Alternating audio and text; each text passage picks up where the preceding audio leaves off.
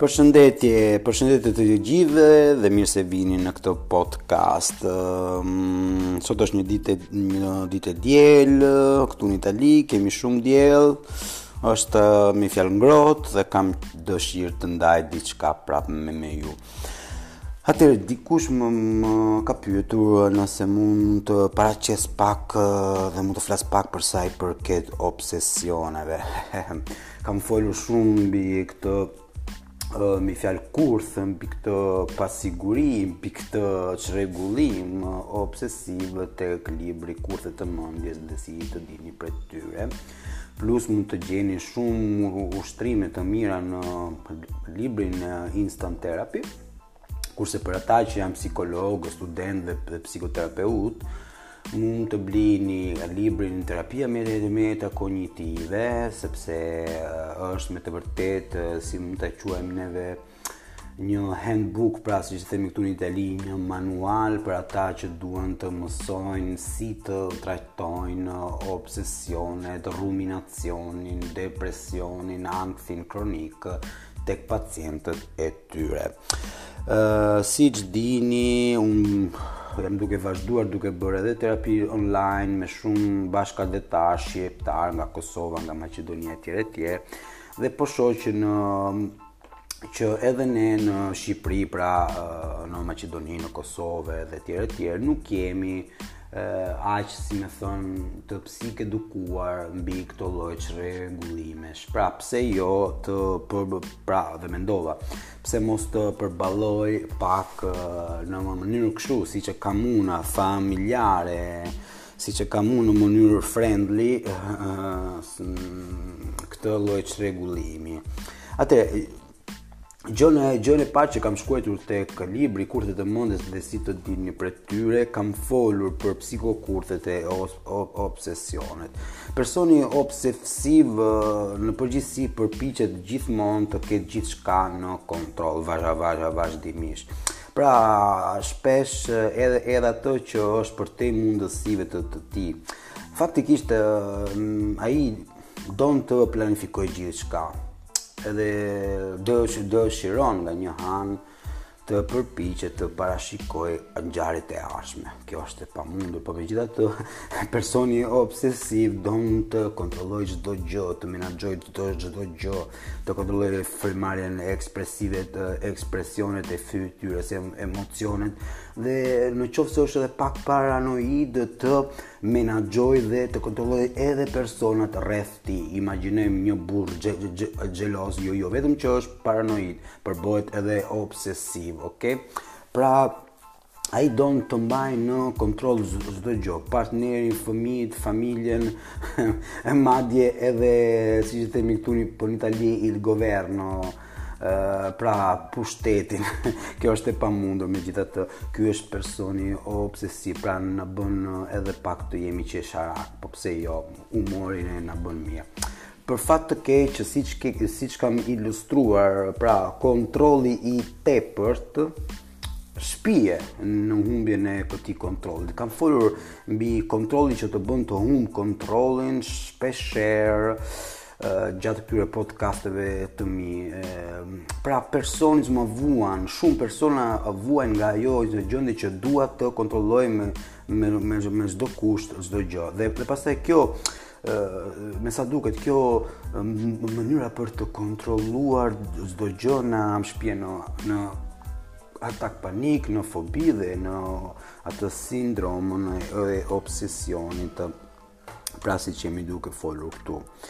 Ë ka disa variante të këtij çrregullimi, pra jemi duke folur për ob, obsesionet, me të cilën personi mund të bëhet edhe pak i ngurtë, pra mund, mund të themi edhe pak i, i, ignorant, pse jo, është sikur du, është duke është duke veshur pra dhe një palë syze dhe shikon botën po vetëm me ato palë syze. Fakt faktikisht personi ob, obsesiv nga nga pikëpamja ime personale është sikur është duke veshur një palë syze dhe shef vetëm botën me ato syze. Huh.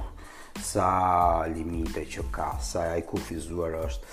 Ëm ehm, um, edhe pra um, ai pra është në një lloj lufte jo vetëm nga nga gjendja pra mendore, pra mentale, por është dhe një gjendje është një gjendje lufte edhe nga ana fizike, në një në një luftë kundër botës, në një luftë kundër që si të t'i shpëtojë moskontrollimit, pra. Hm?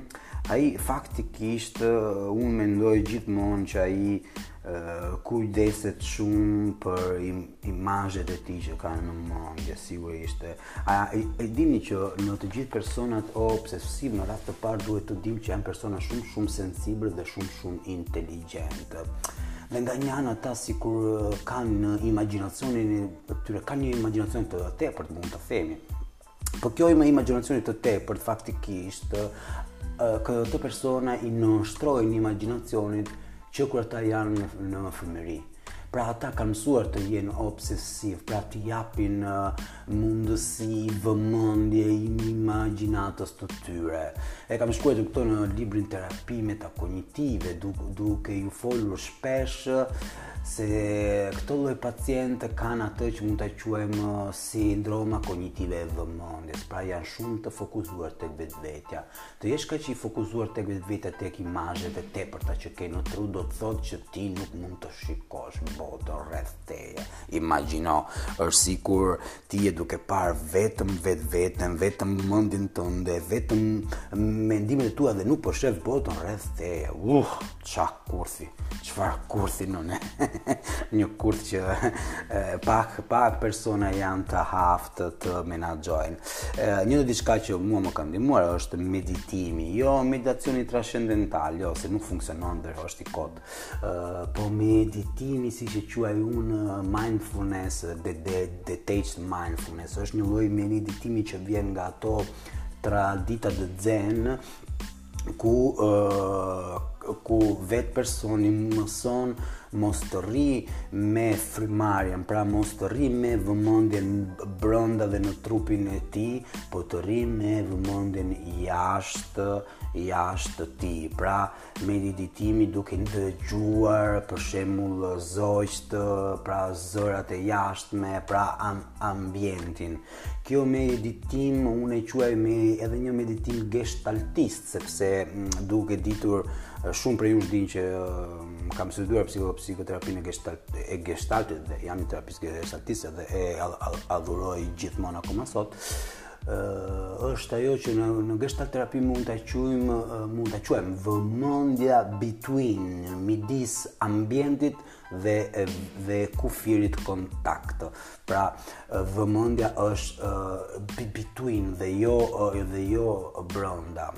Në një libër Paul Watzlawick na fol na na flet rreth kësaj kurthit duke na thënë që të shikosh brenda vetvetes tënde të bën të verbër. Pra do të thotë që personat që shi, shikojnë po vetëm vetvetën dhe analizojnë shumë vetvetën bëhen të verbër. Oh, çfarë shembulli magnifik, çfarë shembulli mental fantastik për gjithë ato persona që bien në atë kurth të vetanalizimit, të vet të vetekzistencës etj etj. Janë persona me të vërtetë të të trishtuar sepse nuk dinë të jetojnë në atë që mund ta quajmë në atë ekuilibër që vetë jeta na sjell që është të rrish në atë të udhëtosh dhe midis pasigurisë edhe sigurisë. Nuk e di se si në shqip, më kuptuat, Sepse në italisht po kjo fjalë vjen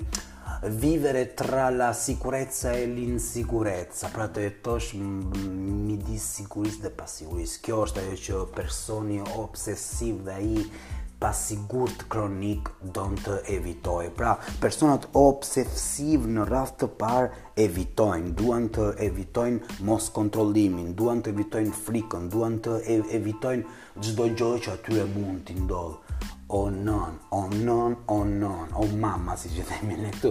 Që si mund të evitosh jetën, si mund të evitosh problemet, është është e pamundur. Gjënë e parë që do të këshilloj dhe të bësh ti person që mund dëgjon ti ndëgjues është që ti të marrësh parasysh që ti duhet të përforcosh vetveten për të përballuar jetën tënde se nuk ke një zgjidhje tjetër.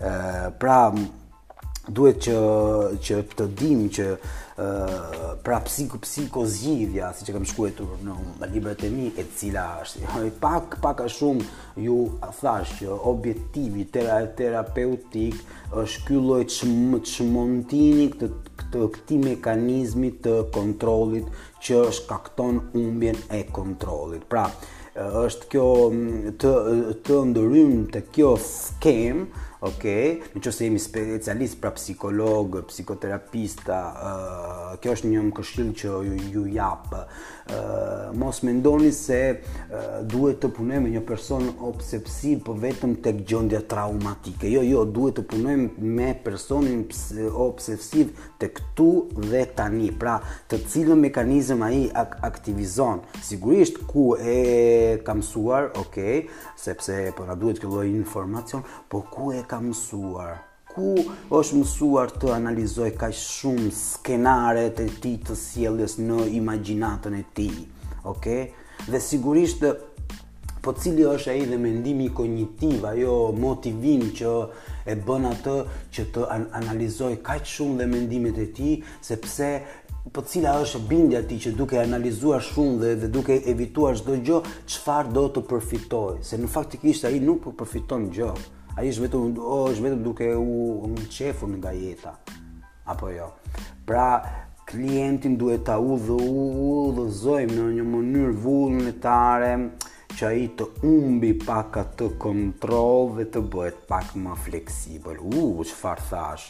Ai duhet të umbi pak atë kontroll në mënyrë vullnetare që të bëhet më fleksibël. A e dini se si mund të bëhet kjo ushtrim? Është fare fare e, e thjesht. Një pacient i timi, i kam thënë për shembull që ai çdo ditë për 5 minuta të bënte një diçka jashtë kontrollit. Pra dhe nëse ai për shembull ë uh, don të rregullojë gjërat uh, në shtëpi ose të mbyllë derën 20 herë, i them Provoje për provoje për një herë të të ndalosh këtë lloj kompulsioni duke mbyllur derën 20 herë për për ta si me thonë, për ta çuar atë në një orë të saktë. Pra, mos e bë tani, po dhe, dhe bëj dhe masi ore. Kjo neve i themi në i, i italisht projetare la risposta più, più in là. pra të projektosh pra përgjigjen pra të kësaj sjellje më andej pra personi pak a pak dhe mëson që të shtyj pra këtë lloj kompulsioni këtë lloj im, impulsi duke e bërë atë në një çast tjetër dhe ai dhe fillon duke mësuar që dhe nëse ai e shtyn pra këtë lloj kompulsioni që don të mbylli derën 20 herë pra nga në orën 10 Ti avash avash mund t'i mësosh po po pse nuk e shtyn dhe në orën dhe 11. Pra mos e bë tani, po dhe bëj dhe nga ora 11. Po sikur ta shtysh që ta bësh dhe nga ora 12 dhe pak a pak ai arrin të kuptoj që ai është në gjendje të kontrollojë kompulsionin sepse e shtyn atë në kohë. Kjo është njëra nga teknikat që mund të përdorim, siç siç dini në Youtube mund të, mund të gjeni edhe mm, teknikën time më të famshëm që kam marrë nga terapitë Brief Solution që është ajo edhe nëse ti e bën obsesionin, pra kom kompulsionin, e bën një herë, përsërit atë edhe 17 herë të tjera ose 7 herë të tjera ose 20 të tjera. Pra kjo është një teknikë që unë e quaj paradoksale. Pra dhe nëse personi nuk arrin të shtyjë dot kompulsionin në këtë rast unë përdor një teknikë tjetër duke përdorur hipnozën sugjestive pra duke ulur zërin duke parë në sy dhe duke i ngulur sytë e mi në sytë e tij pra duke duke krijuar një kontakt okular dhe dhe duke dhënë atij këtë ricetë. Nëse ti e bën një herë, përsërit edhe 7 herë tjera, jo një herë më shumë dhe jo një herë më pak. Nëse ti e bën një herë, do ta përsërisësh edhe 7 herë. Pra personi e zëmë se është një person që han shumë çokollata dhe ka këtë lloj kompulsion, unë i them mirë, nuk po të them që ti mos ta hash çokollatën, por nëse ti e bën një herë përsërit edhe 7 herë, tjera, pra ha 7 copë çokollata të tjera. A, ima, a imagjinoni se çfarë mund t'i ndodhi personit? është e pamundur që ai të hajë 7 copë çokollata dhe nëse ai e ha një herë. Okay? Pra, edhe, edhe këto ricetat paradoksale ndihmojnë personin të dalë nga ajo gjendje e kontrollit dhe moskontrollit. Pra, Dhe nëse je jeni kurioz për të ditur dhe më shumë dhe mbi këtë dhe mbi këto teknika, mund të blini librat e mi, i, i keni në Shqipëri, në Maqedoni dhe në Kosovë, në Shqipëri kontaktoni Desdemona Çelon, Edvaldon, në Maqedoni mund të mund të mund të kontaktoni Shoqatën Cortex, Sema Lili, Elira Destani, Atixhe Sefa, Kurse në Kosovë mund të kontaktoni Kristi Alilaj dhe profesor Nevzad Shemsedini. Unë ju përshëndes dhe ju jap një takim tjetër. Ju përshëndes dhe nga larg. Ciao, ciao!